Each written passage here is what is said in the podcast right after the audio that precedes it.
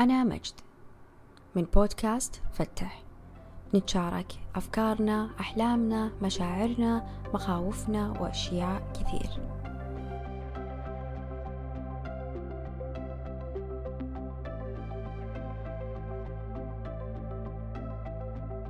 تتلعثم في كلماتك وتتسارع دقات قلبك لتعرق يديك قلقا وتتمنى لو أن الزمن يتوقف أو يغير اتجاهه. فقط لتتخلص من هذا الإحساس المرهق. التوتر هو عنوان هذه الحلقة.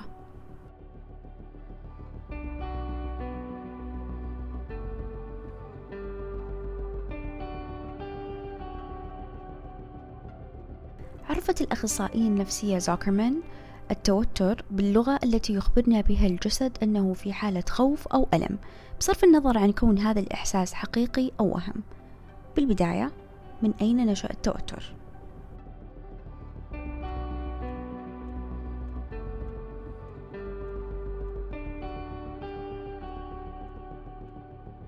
المواجهة أو الهروب. Fight or flight. هو نظام إنذار يعمل من أجل حمايتك عندما يشعر بوجود تهديد. هو ردة فعل طبيعية للتعامل مع التهديد نتيجة إنتاج الجسم كميات عالية جدا من الهرمونات واللي تزيد من معدل سرعة القلب وترفع ضغط الدم.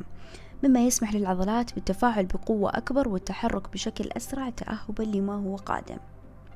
بدأ التوتر والقلق في الإنسان الأول أو بالأحرى رجل الكهف كوسيلة حماية للهروب عند اقتراب الخطر أو الحيوانات المفترسة.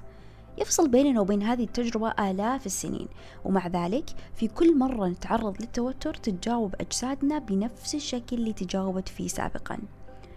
تخيل أن عقلك عند المرور بتجربة محرجة أو مؤرقة كالظهور على المسرح أو التحدث بصوت عالي للعديد من المستمعين يعتقد أنه في خطر محدق ويتصرف بتأهب كما لو أن حيوان مفترس يطاردك. وبعد زوال الخطر يفترض أن يعود جسدك إلى حالته الطبيعية لكن التعقيدات المستمرة في نمط الحياة الحديثة ومتطلباتها تعني أن أنظمة الإنذار لديك قد لا تتوقف. تخيل مدى الإرهاق والقلق والتعب عندما يعتقد جسدك أنه في حالة خطر طوال الوقت. FOMO أو Fear of Missing Out. مصطلح مستحدث يعبر عن تشبتنا وهوسنا بال social media. تنبيهات الجوال من تعليقات post على الإنستغرام ولا إضافات ال followers على تويتر أو حتى مقطع التيك توك إذا ضرب وصار ترند ولا لا كلها من مسببات التوتر اليومية المقلقة واللي تعمل كمنبه إنذار تنبهك مع كل إشعار وكل تنبيه تتلقاه وتخليك تخاف تفوت اللحظة وهنا نسأل كيف نتحكم في التوتر؟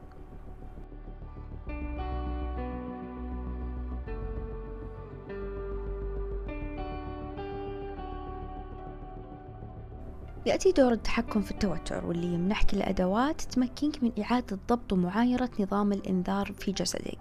يساعد عقلك وجسدك على التكيف.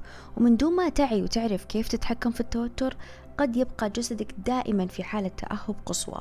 ومع مرور الوقت يمكن أن يؤدي للتوتر المزمن والإصابة بمشاكل صحية خطيرة أنت في غنى عنها. لكن ما هي أنواع التوتر الأكثر شيوعاً؟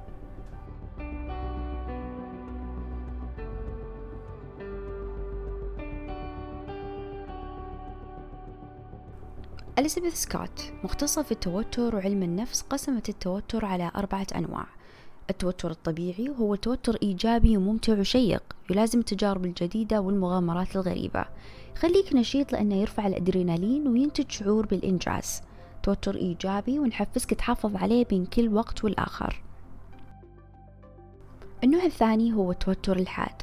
التوتر المفاجئ اللي نواجهه في الحياة اليومية ويتسبب في عدم توازننا وفقدان السيطرة أو أحيانا التيبس وعدم التصرف إطلاقا. ويباغتك بسرعة وبشكل غير متوقع لكن لا يستمر طويلا. كالاختبار المفاجئ أو مقابلة عمل ما تجهزت لها أو حادث مروري. النوع الثالث هو التوتر الحاد العرضي أو nervous breakdown لما يعاني شخص من توتر حاد متكرر خلال اليوم يشعر بالقلق والضيق المستمر وتعكر المزاج. قد يستمر من ساعات إلى أيام. زي اللي يعيشون حياة غير مستقرة ويتنقلون بشكل متكرر أو من يعمل في مجال خطر ويتطلب الحذر طوال الوقت. النوع الرابع والأخير هو التوتر المزمن. وهو الأشرس وينشأ غالبا من التجارب المؤلمة المستمرة وصدمات الطفولة وضغوط العمل المرهقة أو الدراسة المجهدة. يتحول إلى عادة مزمنة وتشعر الشخص بالاستنزاف يماثل إحساس أنك تعتقد أنك مشغول ومتوتر وقلق طيلة اليوم على الرغم من أن لا يوجد أي أعمال أو مهام متبقية. ترتب عليها مشاكل صحية خطيرة جدا ومعقدة قد لا تعلم مسبباتها كالاكتئاب أمراض الأسنان أمراض القلب والسكري ومشاكل الجهاز الهضمي. لكن إيش أعراض التوتر؟ وكيف أعرف أن ما أعاني منه هو فعلا توتر؟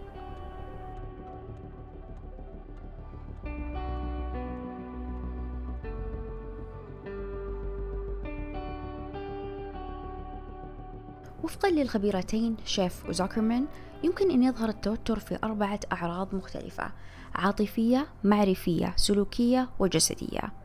عاطفية أو التوتر العاطفي وقد يكون الأسوأ لأنه ينتج آلام أقوى من أي نوع توتر آخر. نتيجة للضغط في العلاقات المضطربة والغير مستقرة أو التوتر الناتج عن ضغط العمل والساعات الطويلة. كالقلق والحزن والكآبة والغضب وأحيانا الشعور باليأس أو العجز. معرفية كالنسيان وقلة التركيز وحديثك الداخلي السيء عن نفسك واللي يسبب تدني احترامك لذاتك ويجعلك أكبر الناقدين وأقساهم على نفسك. خصوصا لما تقارن نفسك بالآخرين. سلوكية كعادات النوم السيئة وفقدان الشهية أو العكس الأكل بشراهة وضعف اهتمامك ورعايتك لذاتك والعزلة الاجتماعية. جسدية كالإعياء والتعرق أو التسارع في ضربات القلب وضيق التنفس وآلام المفاصل والعضلات وارتفاع ضغط الدم. جميعها أعراض التوتر تبين أن التوتر أشكال وأعراض مختلفة ومتجددة. السؤال الأهم كيف أراقب التوتر وأتعامل معه حين حدوثه؟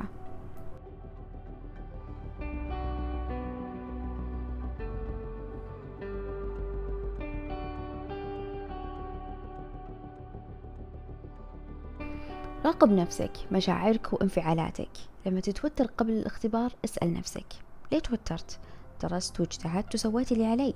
ولما تقلق قبل المقابلة الوظيفية اسأل نفسك ليه دقات قلبي سريعة وصوتي يرجف؟ أنا استعديت ومتجهز تماما لهالمقابلة ولما تضرب معدتك وتؤلمك بشكل مفاجئ اسأل نفسك إيش الشيء المختلف؟ إيش اللي صار قبل دقايق وليه معدتي اضطربت بهذا التوقيت بهذا المكان؟ ولما تعاني من الأرق طوال الليل اسأل نفسك إيش اللي موترني ومشغل عقلي ليعمل طوال الليل؟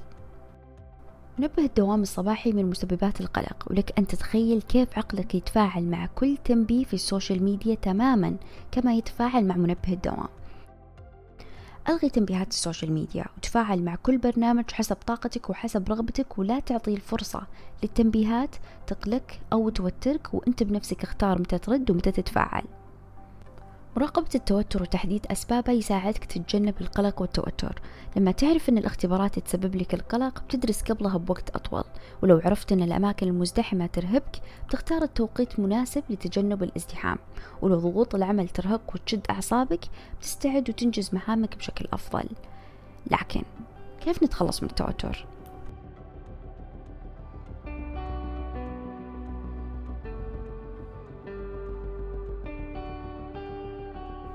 التوتر لا يأتي من العمل الجاد فالتوتر يأتي في المقام الأول من عدم اتخاذك لقرار تستطيع التحكم فيه وبمجرد اتخاذ أي إجراء لمعالجة الموقف حتى لو لم يتم حله فإن مجرد حقيقة أنك عملت ما استطعت عمله يخفف التوتر أو القلق تجاهه.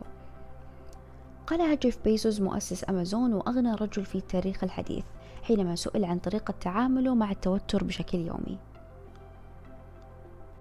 أدر وقتك واعرف مهامك ومسؤولياتك بشكل واعي وواقعي. ورتبها حسب الأولوية. قد تتفاجأ بحجم المسؤوليات والإلتزامات التي لا تقع تحت نطاق عملك. إنما اعتقدت أنها تقع ضمن مسؤولياتك مما تسبب في زيادة توترك وقلقك تجاهها. تخلص من الالتزامات الغير مهمة والالتزامات اللي تقدر ترفضها والتزم بالمسؤوليات الأكثر أهمية.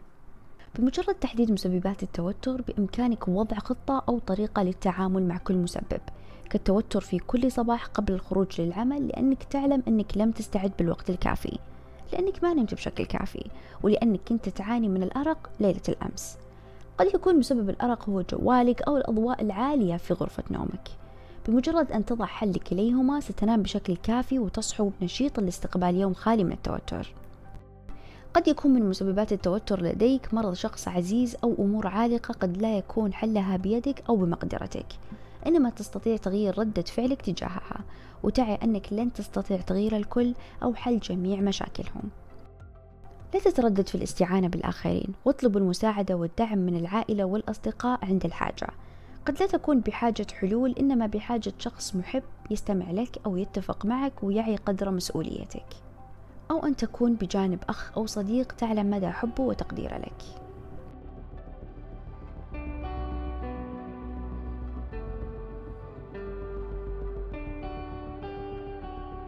أخيرا لا تستهين بحبك للرقص الاستماع لأغانيك المفضلة أو مشاهدة برنامجك الكوميدي المفضل أو حتى تخصيص بعض الوقت لنفسك لتمارس ما تحب بلا أي ضغوطات مجتمعية أو دراسية.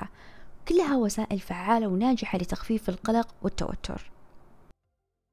نمط الحياة الصحي يساعدك تسيطر على التوتر. ممكن تبدأ بممارسة الرياضة أو تناول فطور صحي بشكل شبه يومي أو حتى ساعات كافية من النوم ليلاً. كلها وسائل بسيطة تساعدك تخفف ضغط الحياة وتكسر حلقة التوتر الشرسة. لأن التوتر لن يختفي بشكل دائم من حياتك ولأن وجوده يخدمك بالدرجة الأولى ويخليك يقظ ومركز. من المهم أن تملك مفاتيح تحكمك بمشاعرك ولزيادة قدرتك على التأقلم مع التحديات. قد لا يكون التوتر شيء سلبي قد يكون ردة فعل لخروجك من منطقة الراحة وتجربة شيء جديد تماما لم يعرف عقلك وجسدك كيفية التعامل معها. تذكر أن جسدك وعقلك بحاجة لتحدي بين الحين والآخر لوسع منطقة الراحة ويتطور. تحدى نفسك وتذكر أنك ما تختار الأحداث أو المواقف اللي تواجهها لكن بالتأكيد تقدر تختار ردة فعلك تجاهها.